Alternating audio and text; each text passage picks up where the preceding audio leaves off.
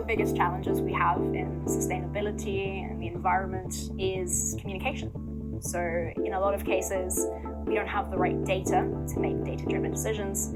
In other cases, we have the data, but we struggle to communicate it to the right stakeholders, whether that's executive management, board, or even your customers, to help them understand why the product that they're buying is better for the environment.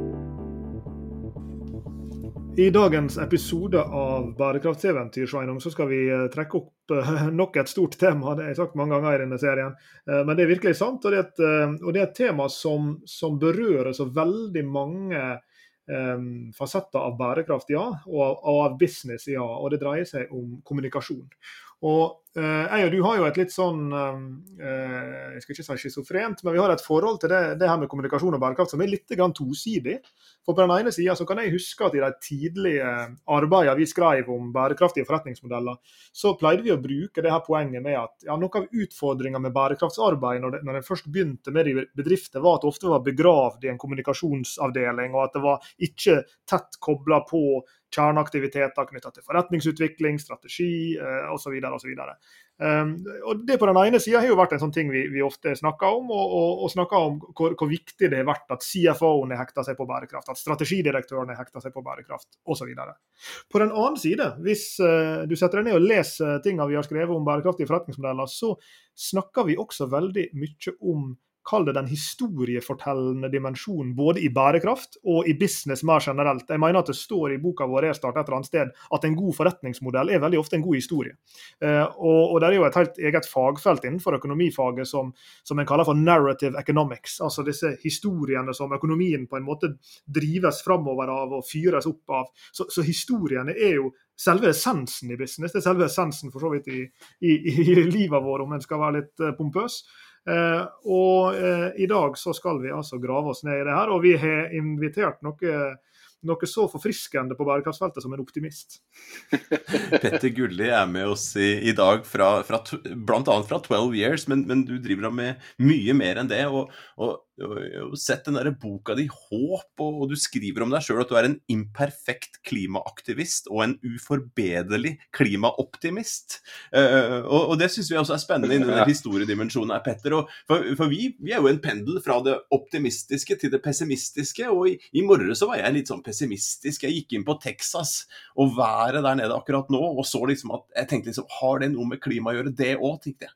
Gikk inn og sjekka. Jo da, det var blitt varmere på en av disse polene og så kommer det noe kald vind inn, og så, og så, ser vi det som skjer akkurat i dag, eh, i disse dager i, i Texas, hvor det, hvor det, rett og slett er helt Texas. Så, så, i dag så er det litt godt at du kom på besøk. for Jeg tror vi trenger en liten sånn injeksjon av optimisme eh, slash realisme eh, fra deg. Så tusen takk for at du ville komme, og velkommen til studio. og Kan ikke du fortelle bitte litt om deg sjøl? Jo, det, det, kan jeg godt gjøre. Tusen takk for at jeg har fått komme. Jeg er jo en, en sånn jeg er sånn blanding av optimist og pessimist selv. Eh, eh, du sa jeg, jeg, skal, jeg, har skrevet en bok, jeg skal fortelle litt om meg selv, men den har jeg kalt, den har jeg delt opp, og det har jeg lånt fra Futerra eh, i Stockholm. Et, jeg har delt den i to deler, og det gjør også i foredragene mine også. Deler de brutale sannheter og fantastiske muligheter. For jeg tror altså, Hele dette paradigmet som vi er i, det består jo sant, både av ganske brutalt og fæle sannheter som vi er nødt til å forholde oss til, men så finnes det også masse muligheter. Og Vi er nødt til å klare å se, og vi klarer ikke å få folk med oss hvis vi skal grave oss ned bare i de brutale sannhetene. Men jeg er en pappa på 56 år. Eh, jobbet 30 år i reklambransjen som tekstfatter og kreativ leder og strategisk rådgiver. Fire år i Singapore. Og har sittet da i det jeg kaller turboen på forbrukermaskineriet i, i alle år. Eh, og, og, sånn vel omtrent da Al Gore kom med 'An Inconvenient Truth', så begynte jeg å våkne. Begynte jeg å snakke litt om det til egen bransje og sånn. Prøvde litt noe som et medieforum, det gikk fryktelig dårlig. Jeg følte meg som en dust etterpå. Alle så rart på meg. Men så i 2016 så holdt jeg et innlegg på noe som het eh, Inmas 8 Minutes. Det var sånn 8 minutters foredrag. 40 foredragsholdere på en dag. Og det holdt et som het 'Burde vi si opp jobbene våre alle sammen'? Og da sa det pang! Og det som var rart, var at jeg hadde jo ikke snakket om noen ting egentlig. Jeg hadde bare sagt vi må snakke sammen, for nå har vi et svært problem. Og så jobbet jeg da som partner i et digitalbyrå som het Good Morning, hvor vi begynte å jobbe med bærekraft. Sette det på agendaen for oss selv. Men for meg så kom da i 2018, 8. oktober, tror så kom IPCC-rapporten, altså FNs klimapanel, som ga oss tolv år på å nå eh, klimamålene. Eller nå halvannengradersmålet. helst togradersmålet, men helst halvannengradersmålet. Og da sa jeg til de andre at nå kan jeg ikke jobbe mer, nå må jeg bare jobbe for dette. Så da sa jeg opp, og så startet jeg da 12 Years, som har tatt navnet sitt fra de tolv årene. Ah. Eh, som, som, og som er litt mitt lille konsulentfirma. Og så, og så, har jeg da, men det som skjedde da, eh, Nå snakker jeg litt mye fort, men eh, det som skjedde da var at to måneder før jeg skulle starte for meg selv, da, før etter oppsigelsestiden ute, så kom eh, Nasnim Khan Østrøm, eh, som er, Strøm, som er flott forfatter, men også redaktør i Aschehoug, og sa du, kan ikke du skrive en bok for folk flest om klima? Men da hadde hun hørt meg på merkevaredagen snakke om dette. Så da sa jeg jo, det må man jo da, hvis man blir spurt om det. Og så gjorde jeg det istedenfor å starte firma. Og nå er jeg også faktisk gründer i noe som heter Resourcer, som er et uh, resources.bio, eller bio, som er en uh, skal prøve å bli en markedsplass for uh, biologisk restavfall. Mm, så spennende. Vi eh, jobber jo mye med den, eh, med den, eh, sirkulære økonomien om dagen. Og, og, så dette kan vi kanskje komme inn på eh, koblingspunkter her etter hvert eh, mellom, mellom, disse tingene, Petter. For du trekker jo opp et, et rikt bilde her og en, en, rik reise langs mange dimensjoner. Og jeg kunne jo tenke meg, sånn, for, med, med, hensyn til bransjen du ja om ikke forlot, så i alle fall bransjen du har jobba i. Du sa at du, du beskrev altså, maskineriet til forbrukersamfunnet, var det omtrent det du sa? Turboen på forbrukersamfunnet. Og dette er jo interessant, fordi det er klart at eh, på en måte så er jo kommunikasjon da, det, det, er jo noe selvfølgelig helt allment, og det er noe som vi alle sammen har et forhold til. Samtidig så er det jo selvfølgelig i aller høyeste grad et fag, og det er et ekstremt eh, kraftfullt verktøy. Eh, og, og, så er det jo som, som ligger kanskje mellom linjene i, i, i det du snakker om, det, det, det verktøyet det kan du bruke til veldig eh, eller mer eller mindre eh, fordelaktige formål. Eh, og så vil jo jeg tenke at, at hvis ja, satt litt sånn billedlig da, hvis alle kommunikasjonsfolka i verden og alle reklamefolka i verden bare stilte seg opp i en stor sånn der bataljon og bestemte seg for at nå skal vi endre narrativet om bærekraft. Nå skal vi få folk til å våkne, nå skal vi få folk til å endre livsstil, gå en grønnere vei osv. Eh, så skulle jo det skulle jeg tenke at det skulle monne like mye som nær sagt når eh, kosmetikkbransjen reklamerer, og når ja, alle måtene kommunikasjon blir brukt på. Så hva er det som står i veien for, eh, for det?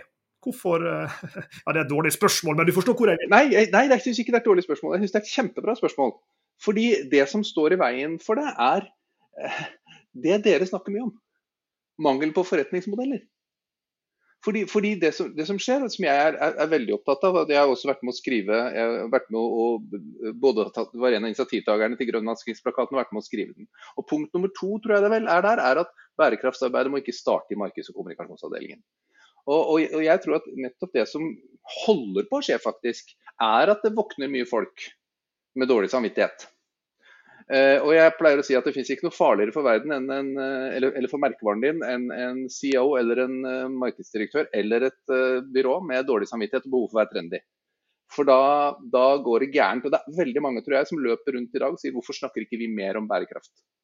Alle konkurrentene våre gjør det. Men de har ikke forretningsmodellene, de har ikke grunnlaget for å gjøre det. De er ikke bra på det, de skjønner ikke hva det betyr. Så, så jeg er livredd for at alle kommunikasjons- og reklamefolk i verden skal løpe i den retningen, fordi det er ikke nok gode historier, som dere sier, som er ekte der ute. Enda. Så jeg, jeg tror man kan være en eh, jeg, jeg, tror vi trenger folk som er gode kommunikatører til å overbevise folk om at vet du hva, dette kan gå bra. Det skjer kjempemye fint, det er kjempemye spennende. Eh, masse norske fantastiske gründere som ingen vet om. Altså Det er så mye flott som vi kunne fått folk til å bli glad og fått lyst til å være med i skiftet på. Men jeg tror også at vi er inne i en verden hvor det er altfor mange som misbruker bærekraftsordet og misbruker bærekraftsbegrepene, egentlig uten at de skjønner det sjøl. Jeg må spørre deg et oppfølgingsspørsmål der. Eller stille heter det kanskje på norsk. Eh, eh, jeg tenker på dette her med den, med den kommunikasjonen. For jeg, jeg, har hatt en sånn liten hypotese om at kanskje bedrifter som begynner å snakke om seg selv på en grønn måte, selv om de ikke er det, begynner å få kravene fra interessenter, fra kunder og ansatte, investorer og andre om at de skal bli det. Eh, jeg trenger ikke å nevne navn, liksom en viss hotellkjede, da, hvor, hvor det var en kar som fikk seg en, en, en kjæreste og etter hvert en, en kone som var, som var, glad i mat, men glad i sunn mat. Eh, ikke sant?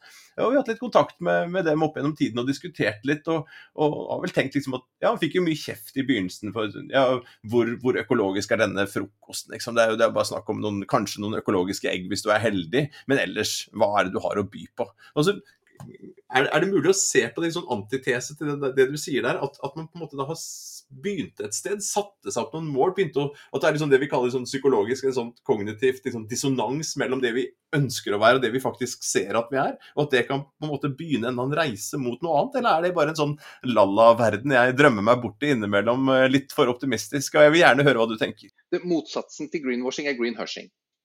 Det er at vi ikke tør, at bedrifter ikke tør å gå ut og gjøre noe. Eh, I 2017 så var jeg på Sustainable Brands-konferansen i København. Der var alle de største merkevarene i Europa eh, som var gode, og her snakker vi merkevarer som er gode på bærekraft. De var på den konferansen av en grunn til et foredrag. Så var det en veldig klok dame som heter Loa, som leder, var leder for uh, hva heter den tresertifiseringen FC, jeg husker jeg ikke det i farta. Ja, Forest Stewardship Council, FSC. Mm. FSC. Hun, hun, holdt et fantastisk foredrag. Og Da hadde hun gått inn på nettsidene til alle de bedriftene som var til stede. Altså hadde hun talt hvor mange av dem som faktisk snakket om bærekraft på nettsidene sine, og det var bare 30% Blant de som var best på bærekraft i Europa. Hun sa hvorfor, og det gjorde at jeg dro hjem og laget et foredrag som, som, et foredrag som het 'Hvorfor gjemmer bærekraften seg?' Nettopp med det, det du sier som utgangspunkt. Fordi, fordi eh, jeg mente at vi er nødt til å få stemmene fram. Vi er nødt til å få flere, flere, flere frem. Og jeg har alltid ment at så lenge du vet hvor du skal, så lenge du har, vet hva du vil, og, og, hvilke løfter du kan stå for hvis du, eller jeg, jeg pleier å si det sånn, hvis du tåler å få en mikrofon i trynet, så har du ikke noe problem. Da kan du gå ut og begynne å snakke om, om, om dette. Eh, så lenge du Og da behøver du ikke ha kommet så langt. Men da fins det en vilje, og det fins en misjon, og det fins en visjon, kanskje. Jeg hører jo to ting her.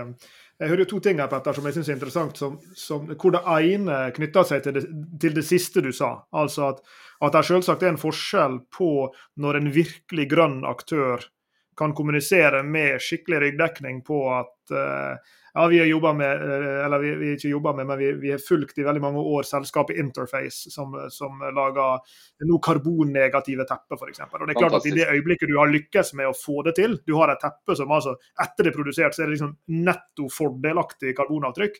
Eh, OK, det, det er fint å snakke om.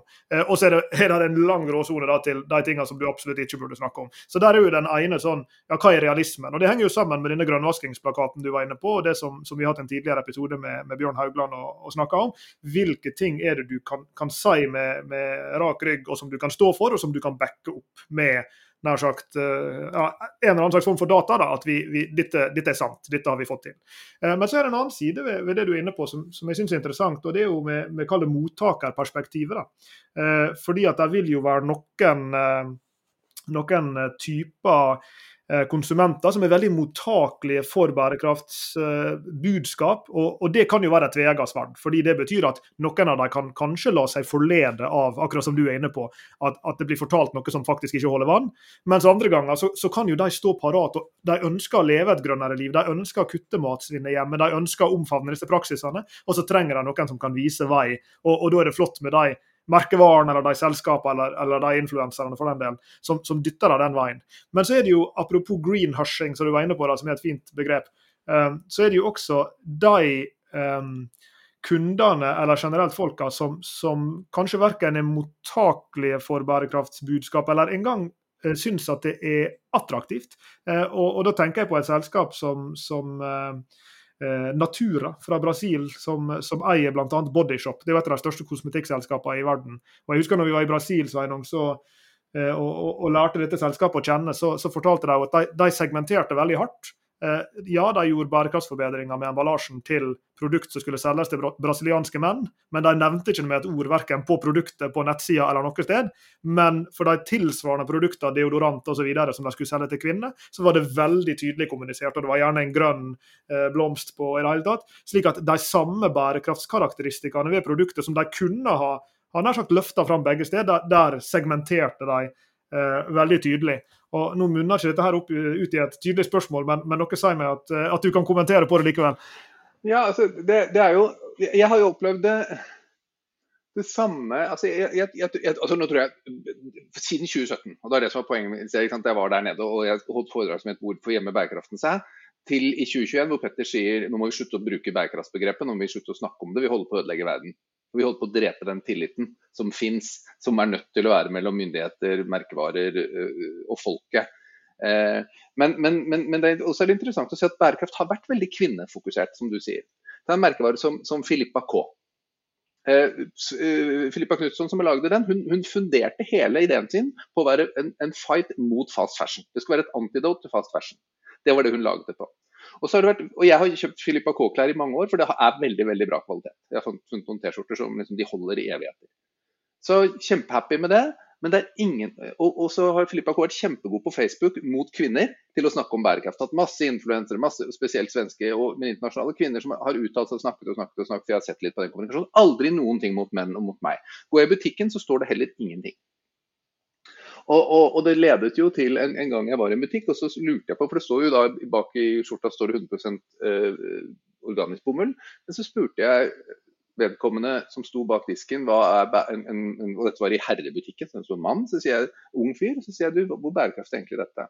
Og så sa han eh, hva er egentlig bærekraft? Eller hva er bærekraft? Og da var det sånn OK. Eh, er det, det, er sånn at dette kommuniseres ikke mot menn. Og her I Naturas tilfelle, bare for å kjapt innpå, så ble jo det gjort sånn som vi forsto det, for at menn ikke vil ha bærekraftige produkter. Det er jo dritflaut for oss å gå rundt med sånne, sånne handlenett i, i, organisk materiale. ikke sant? Altså sånn På, på, på undersøkelser vi gjør på, og, og, studier som er gjort på, på, menn der, så er det mange menn, apropos forretningsmodeller og, og Michelin Åh, jeg klarer aldri å si det der dekkeselskapet. Michelin. Er, er, er, jeg riktig? Michel... Michelin, ja, Michelin, Michelin. Michelin, Michelin. Michelin. Michelin, sa de på Gjøvik da jeg vokste opp. Og, der, og, dem, og, de lagde jo da en forretningsmodell hvor de holder kjeft om at det er resirkulert uh, materiale i dekkene, men de gir deg heller en garanti på at du alltid har gode dekk. Og så overlater de det liksom til, uh, til garantisten, da, bedriften, legger til rette gjennom forretningsmodellen. For de veit at i det øyeblikket man pakker inn for mye eh, bærekraft rundt et produkt til noen segmenter, så opplever de at det er blitt brukt, investert så mye i bærekraftselementene at, at, det går utover kvaliteten. Så, så det, Natura valgte ikke å gjøre det til menn, for de veit at menn vil jo aldri kjøpe det som er bærekraftig. Nå, er, nå, nå skjærer jeg alle over en kam her, og det er jo deilig. Eh, men eh, hvor kvinner er mer tilbøyelig eh, for det innenfor en del segmenter. Altså Det var argumentasjonen deres bak det, bare for å skyte inn det. Det, og, det, og, det, og, og Dette var ikke bare i Brasil, dette gjaldt verden. Men de har Bolsonaro som president òg, så vi kan liksom, det er jo ting. Men, men, men, nei, nei, men jeg tror det er riktig, og så er det et veldig viktig ting å vende på. Og det er at det er, og det mener jeg, jeg tror ikke det finnes en eneste kategori hvor bærekraft er driveren. Men det er ikke driveren. Hvis du, jeg, jeg går i nå blir det mye klesreklame, jeg går i nudie jeans.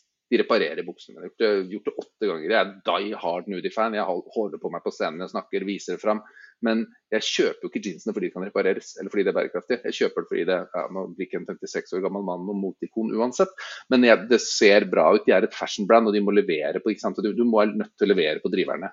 Jeg ble en gang lurt jeg, var, jeg, vet ikke hvorfor jeg var inne på Helios på Aker Brygge men for mange år siden, men jeg var nå der. Eh, og en uh, veldig flott, uh, hyggelig dame sa at nå må du prøve denne gratis sjokoladen som vi har prøver av på disken. Og det var sjokolade med omega-3. Og jeg er tranintolerant.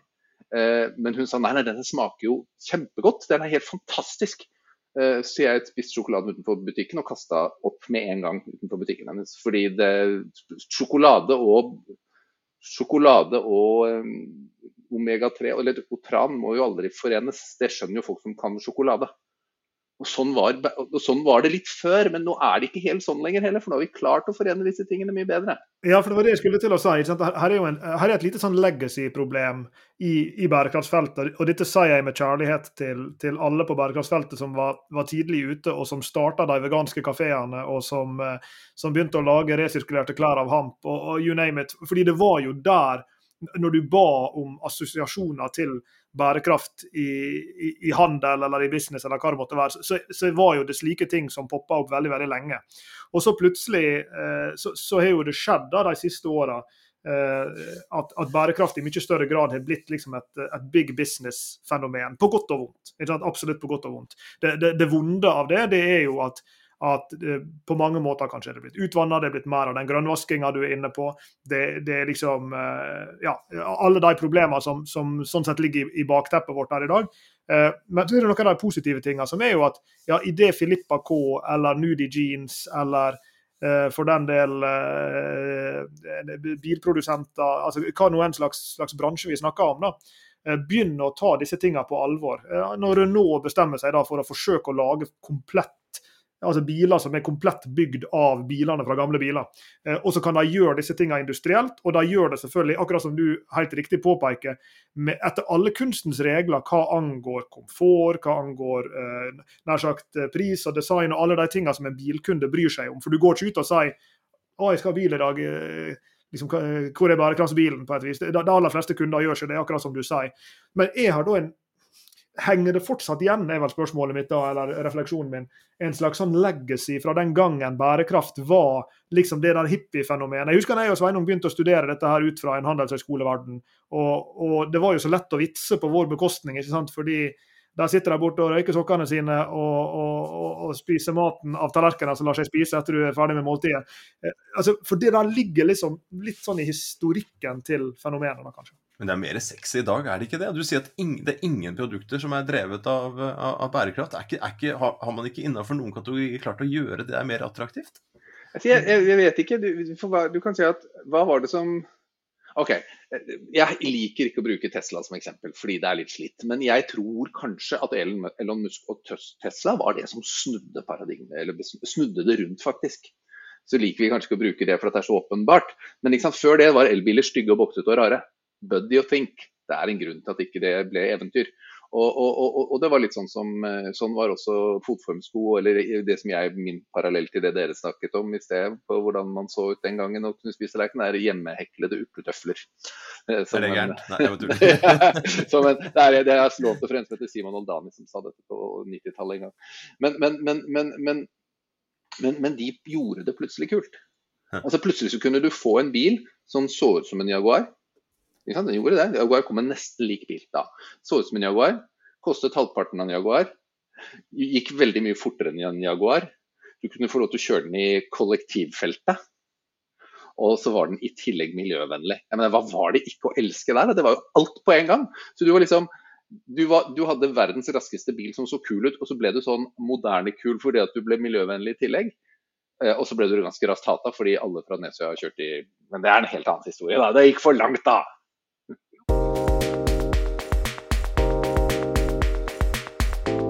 Jeg, kom, jeg kom til å tenke på, på vår gode kollega Magali Delmas på eh, UCLA i, i, Los Angeles, som har skrevet en veldig god bok som heter The Green Bundle. Altså for en måte Den grønne pakka blir vel omtrent en norsk uh, oversettelse. Og, og, Der har hun et veldig tydelig argument, som, som, er egentlig litt mer den gata du er inne på, Petter. At stort sett så vil kunder flest ikke kjøpe et produkt fordi at det er grønt. Det kan være fordelaktig at det er grønt. Uh, det kan være liksom sånn Å ja, så deilig den bilen er faktisk. I tillegg til at den ser fin ut, og sånn ser han også elektrisk. så da kan jeg spille på det. Eh, men, men, som regel vil ikke det være det utslagsgivende. Men hennes argument det er at hun sier at den, det, det, som hun kaller den grønne pakka, eller the green bundle, det, den består av fem eh, koblingspunkt, vil jeg, vil jeg, beskrive det som. Hun bruker ikke det ordet, men koblingspunkt mellom det grønne og, og, andre ting som kunder bryr seg om. og Da lister hun fem ting, som hun sier. Det første er kvalitet. Eh, det andre er status, det tredje er helse, det fjerde er, er penger, altså pris eller hva det måtte være, og det siste er følelse. Og så sier hun at på ulike måter, det som en må lykkes med, det er jo å knytte disse grønne attributtene an til en av disse fem. Og du er jo inne på et par av dem. Det kan være f.eks. Eh, kvaliteten til, til eh, Filippa K, som du var inne på i stad. Ja, det er et grønt merke, men, men det er jo kvaliteten. Skjortene varer evig, sant? de kan bruke, og de blir, blir ikke dårlige i vask og i det hele tatt.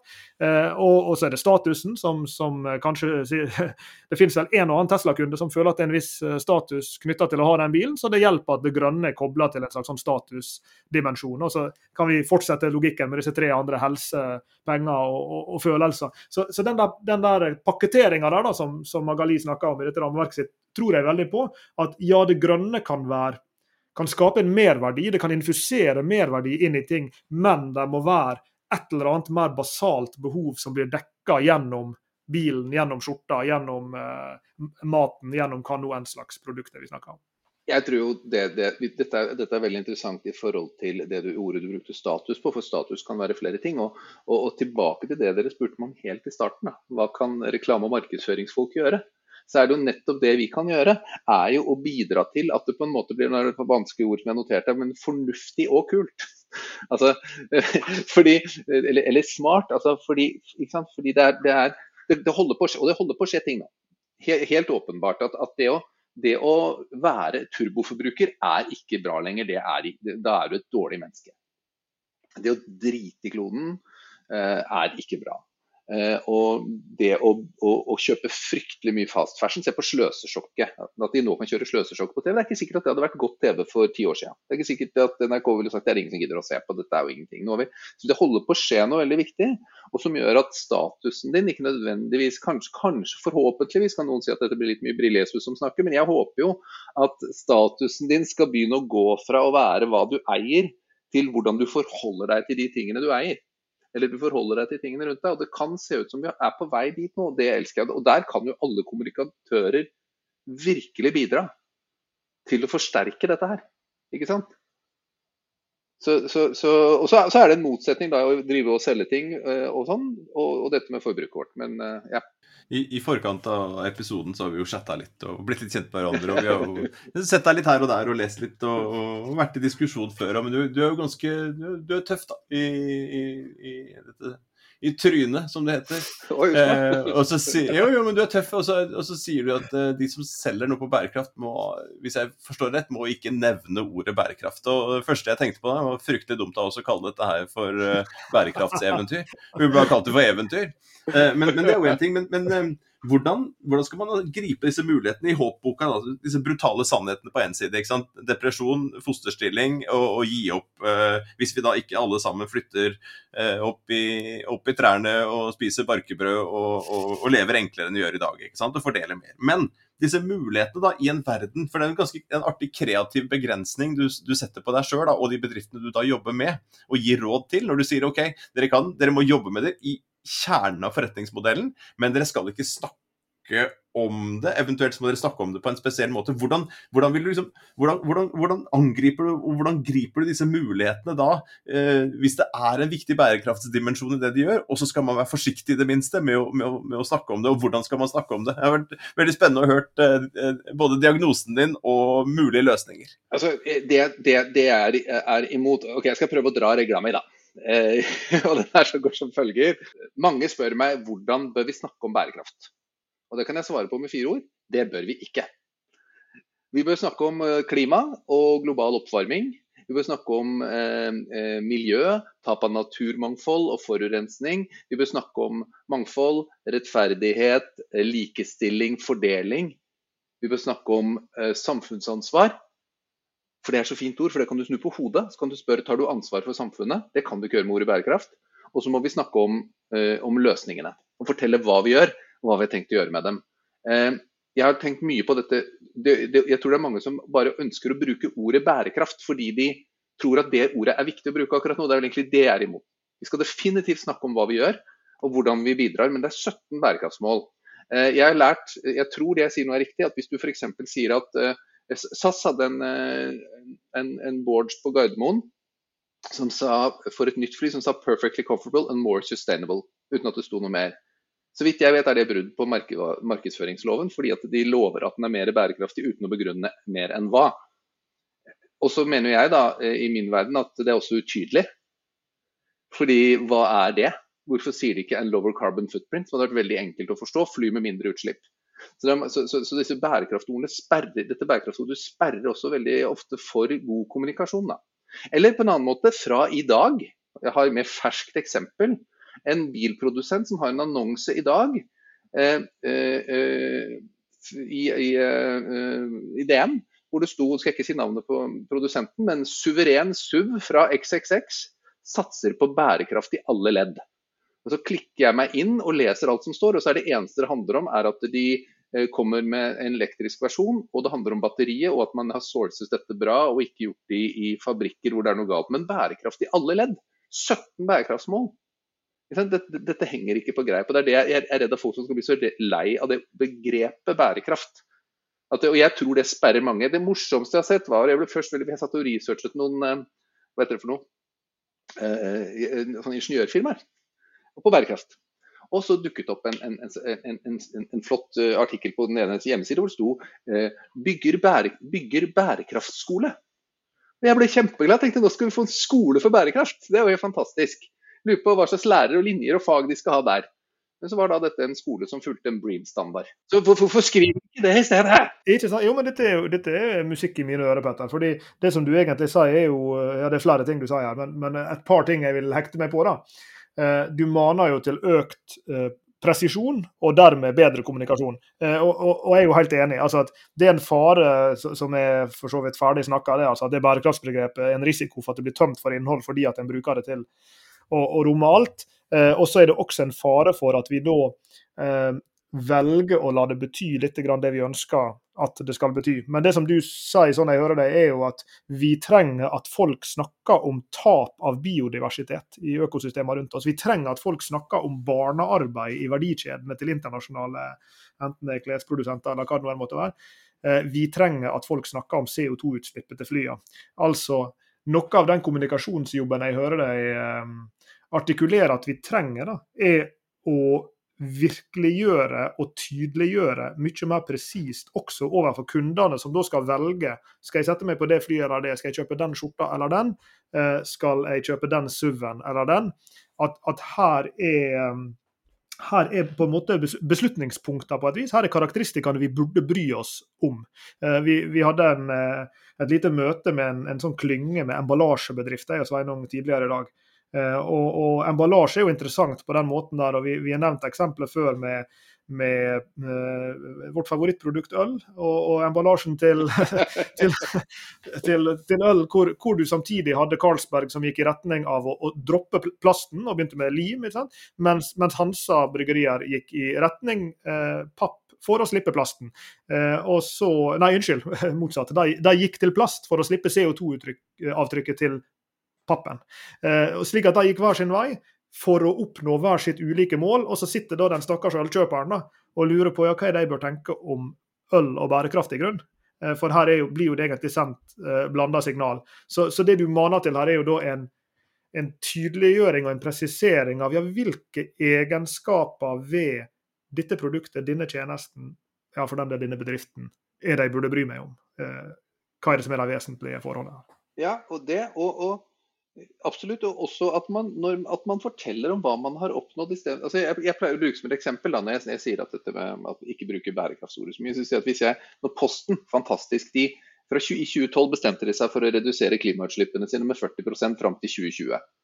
De klarte det i 2017. Hva, hva, hva, hva var budskapet fra Posten da? Var det nå er vi blitt mer bærekraftige? Nei, det var naturligvis ikke det. Det var nå har vi redusert utslippene våre. Med, altså det, det, er på en måte sant, å være konkrete og tydelige på løsningene. Og vi trenger å høre mye mer om løsninger. Vi trenger å høre at noen får det til, for det gir håp.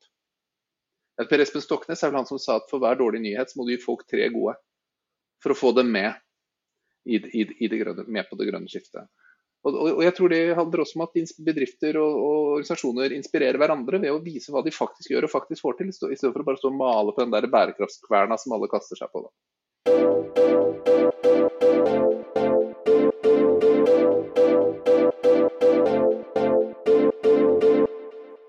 Har du noen kundereiser her, nær sagt? Har du noe, du trenger ikke å nevne, nevne, navn, men har du vært med da, som, med din fortid i reklame og kommunikasjon eh, og, og, i den kampen mot eh, grønnvaskning her? Og nå skjønner jo mer og mer i hva, hva som ligger i den der bærekraftsmotstanden, som egentlig er en du heier, men måten man snakker på det, eh, gjør ikke nødvendigvis eh, noe eh, bedre.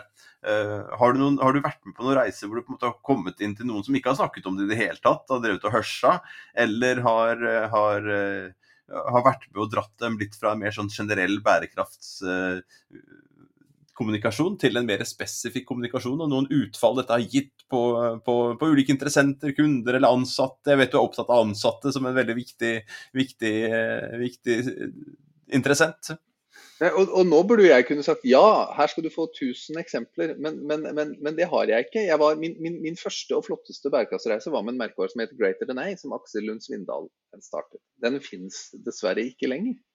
Eller så Den ble iallfall kjøpt opp av Active Brands. Hvis du går inn på greaterthanA.no, så tror jeg ikke det kommer opp noe nå. Men der var vi veldig veldig opptatt av kommunikasjonen i starten. altså Hvordan skal vi kommunisere dette her? Aksel var jo veldig opptatt av at han, han følte at han ikke kunne stå for en sånt miljøikon. fordi han, han reiste jo rundt med flyet og, og sto på ski på, og tok sånne skiheiser som var bygget langt oppe i fjellet. og da var jeg tenkte var da veldig til ydmykhet overfor dette her. da. Er liksom, Det er jo jobben din, du må jo det. og Folk jeg snakket med i miljøbevegelsen de var jo helt enige. De kunne ikke skjønne hvorfor han var så bekymra for det, fordi det var jo jobben hans. Så miljøbevegelsen er ofte veldig mye greiere enn folk tror. Men, men, men men da var vi veldig opptatt av at, uh, å ha en ydmykhet.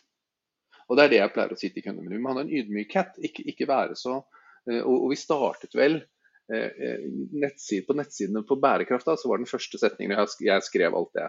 Og da, og da sto det trenger verden, verden egentlig et motemerke til? Vi startet på å ta opp problematikken hvor vi var i. Trenger verden egentlig det? Og så argumenterte vi for hvorfor hva vi skulle være og hvilken rolle vi skulle ta inn for det. Og Det er, det er sånn noe jeg har hatt med meg videre. Ellers så har jeg jo øh, så er jeg opptatt av det å ta roller. altså at det, det er kanskje Den viktigste setningen jeg bruker overfor kunder, og, og, og, sånn, er jo at jeg skal hjelpe merker å ta en tydelig, troverdig og ikke minst relevant rolle i det grønne skiftet. Og Jeg ser jo mange som jobber med bærekraft som på en måte det sitter ikke relevant til merkevaren. Da, og da blir det jo da, da blir det jo veldig rart. Der, der, der, lanserte jo du det som jeg var tenkt å ta det du, Jeg var tenkt å si ja, du nevnte ydmykhet, og det tror jeg er en, en viktig uh, virtue, for å si det på godt engelsk, i, i, i de bedriftene som skal, skal, liksom ta en posisjon på bærekraft, da, for, for å si det på en veldig generisk måte. Eh, og så skulle jeg si, og, og, så vil vel troverdighet være viktig her. For det som slo meg når du snakka om, om Greater Than A, var jo eh, et, eh, et veldig for så vidt ut, utdebattert case, men det er jo utdebattert fordi det er så godt, nemlig Patagonia og denne klassiske eh, 'Don't buy this jacket'-kampanjen. Ja. Og det er klart at jeg, jeg, tror nok at Patagonia innerst inne visste at den kampanjen her, den kommer til å føre til at vi, at vi selger flere jakker, men samtidig så får vi kommunisert til disse kundene våre at vi, vi mener at du bør velge den jakka her hvis du trenger den, fordi at den har disse grønne karakteristikkene osv. Og, så og den det budskapet da, det kan vel ikke helt sendes troverdig fra enhver avsender. Eh, altså Hvis det kom fra en, en fast fashion-aktør, da, så ville det, det ville låte hult, og det ville ikke, det, det ville ikke klinge godt i ørene til, til, eh, til, mottakeren av det budskapet. Mens Patagonia de hadde den pondusen til å kunne ta den posisjonen, for de har den troverdigheten både gjennom grunnleggeren, gjennom brandet, gjennom eh, prosessene de har hatt på, på, på bærekraftsforbedringer i, i, i vid forstand. Eh, og, og, så har de fått gratisreklame i x antall år etterpå for omtrent i et hvert eneste introduksjonskurs i marketing. Så trekkes dette fram som et, et sånn anti-consumerism-eksempel eh, som paradoksalt nok medførte mersalg. Eh, så, så den troverdigheten da tror jeg jo også er en, en, en virkelig essensiell del av disse budskapene og hvordan de må formuleres. og. Og Hvis jeg kan få komme et annet eksempel der, som, som, som, er interessant også fordi det handler om sosial bærekraft. Så ikke vi bare handler rett i klima og miljø. Jeg vet jo, har nettopp hørt på dere rett før jeg kom inn her også, at dere snakker mye om det. Og, og, og det er eh, Dove, altså Unilevers uh, såpemerke, som, eller noe kan vi kalle det skjønnhetsmerke, som, som startet en reise allerede i 2004 med en kampanje som het 'Campaign for real beauty' for kvinner. Eh, hvor de tok for seg eh, og tok, gikk til kamp mot skjønnhetsidealene i, i, i, i eh, den skjønnhetsbransjen. Kvinneidealene i skjønnhetsbransjen, unnskyld. Ikke sant? Og hvor de brukte ekte modeller og sånt. Og det var konsekvent til den strategien fra 2004. De økte med 60% i salg fra 2004 til 2017, og fra 2,4 til 4 milliarder dollar. Og ble i 2017 kåret til verdens tiende mest uh, verdifulle skjønnhetsmerke. Jeg tror I 2004 så tenkte vi på det som såpe.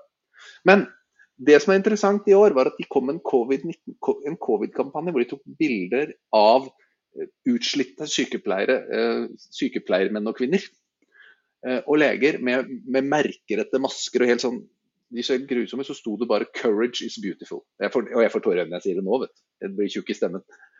Eh, og Det er nett bruker jeg som eksempel nå, mitt nyeste eksempel egentlig, er på hvordan denne troverdigheten må bygges opp over tid. Et annet såpemarked som hadde prøvd å gjøre dette nå, eller et annet skjønnhetsmarked som hadde prøvd å liksom kuppe covid, hadde fått så juling. De hadde fått grisebank, ikke sant. Eh, og en annen ting i forhold til troverdighet og sitte på merkevaren, hvis dere så hva som skjedde med i Norge under, under, starten på covid gikk jo alle bedrifter ut. Eh, alle, sånn, jeg har en del eksempler på. Sånn supermarkeder, Coop, Rema, alle gikk ut og sa vask hendene, hold avstand, Alle gjorde sånne ting. Så internasjonalt så begynte Audi å dra ringene fra hverandre, McDonald's tok Artsen hjem fra hverandre. Alle skulle holde avstand, holde avstand, alle skulle være en del av dette.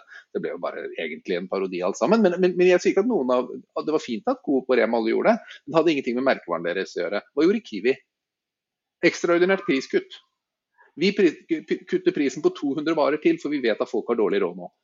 Bang! Midt i merkevaren, midt i kjernen, midt i troverdigheten. Og, super, og da blir det liksom da, og da stemmer det. Det er relevant og det er troverdig og det blir tydelig, for du kjenner det igjen med en gang og du husker det. Der er det noe, noe litt interessant som slår meg i, i, forlengelsen av det der, er jo eh, som, som, kanskje er en, en egenskap ved fenomenet igjen da, som, som gjør det så, så kronglete å kommunisere godt rundt bærekraft, er jo nettopp det som du var inne på der, at det er en viss fare for at det blir en litt sånn uh, usexy sånn do good-greie som, som, veldig fort kan bli litt sånn floskelaktig. Som blir litt sånn Alle barn, barn, i verden holder hverandre i hendene og løper rundt en jordklode. Liksom, det, det, er så mye Jeg og Sveinung har en lang og brokete fortid for å være allergiske mot alle sånne visuelle toucher på nettsider og ellers som, som spiller på disse, disse liksom bærekraftsklisjeene.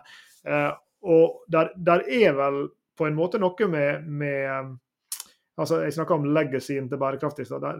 En kjemper vel fortsatt kanskje litt mot den både visuelle og liksom narrativet i det fortsatt. og Derfor tror jo jeg, som vi har nevnt i andre episoder i denne serien, at det er så viktig at uh, at, at influenserne kommer på banen, at Jenny Skavlan kommer på banen, og tilsvarende internasjonalt, som, som på en måte kan, kan sette Kall det bærekraftskampen inn i, uh, i en annen kulturell strømning, da, om en skal si det veldig veldig bredt. Altså fordi det er igjen noen sånne legacy-utfordringer rundt kommunikasjon som, som legger ut snubletråder av den typen du sier, at vi alle sammen ender opp med å kommunisere litt sånn enten floskelaktig eller litt sånn tårevått, eller litt hva det nå måtte være, rundt en del av disse problemene som bærekraftsfeltet beskjeftiger seg med.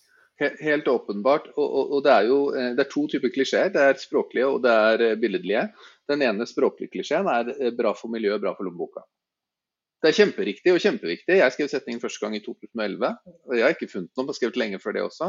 Jeg fant den tre forskjellige steder på en uke i januar i 2019. Det er jo ikke like i noen butikker og så.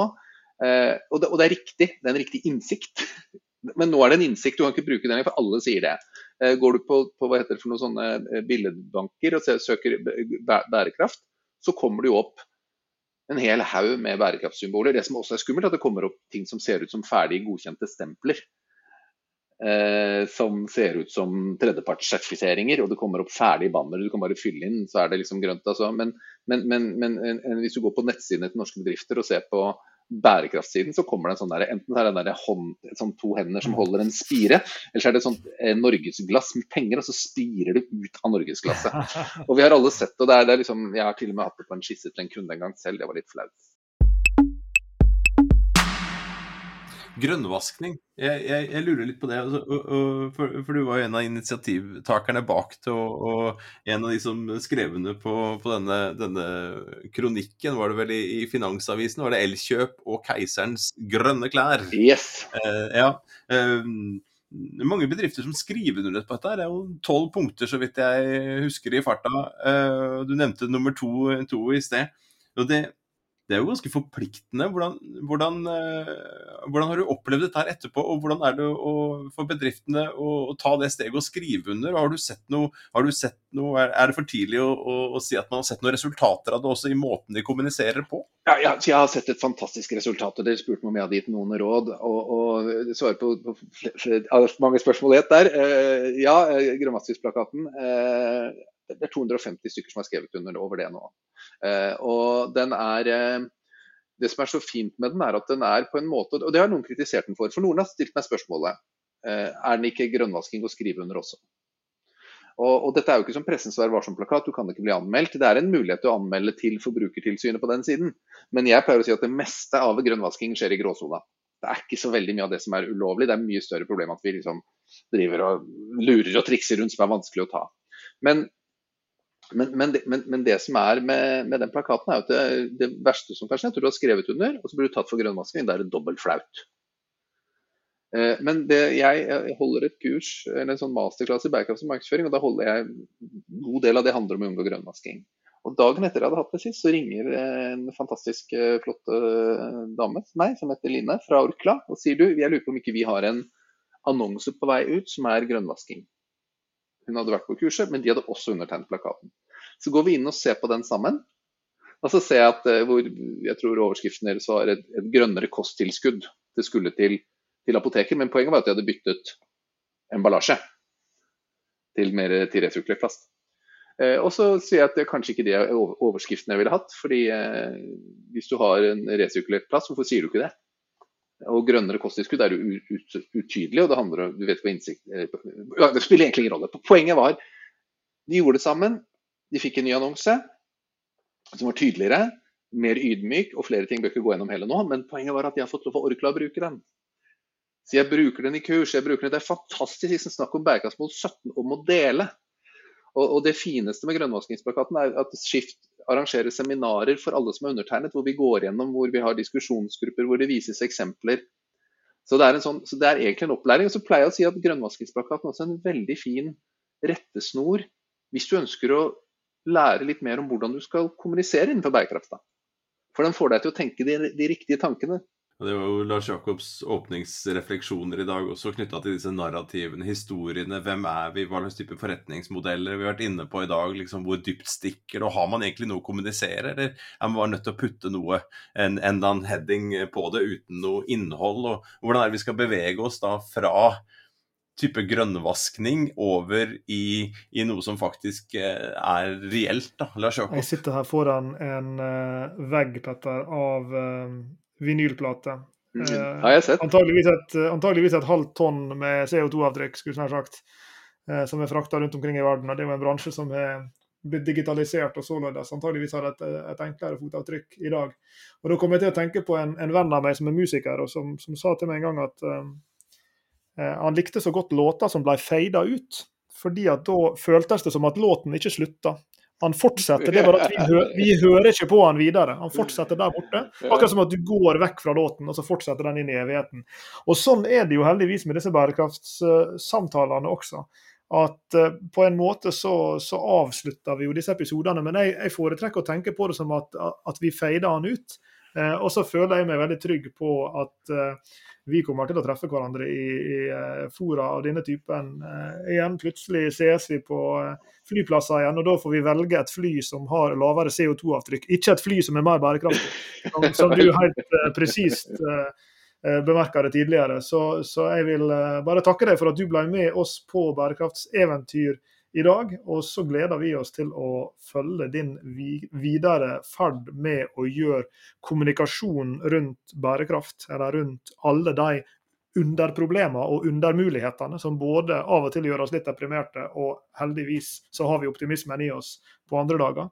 Eh, og gjør, de, gjør den kommunikasjonen mer presis, mer tydelig, mer ydmyk, som du var inne på, og mer troverdig og mer fengende, slik at den enkelte kunde der ute, den enkelte bedrift der ute, kan være med på å, å dytte oss i den retninga. Så tusen takk for at du var med og eh, delte dine perspektiv på, på disse tingene med oss. Tusen takk for at jeg fikk være med, mine herrer.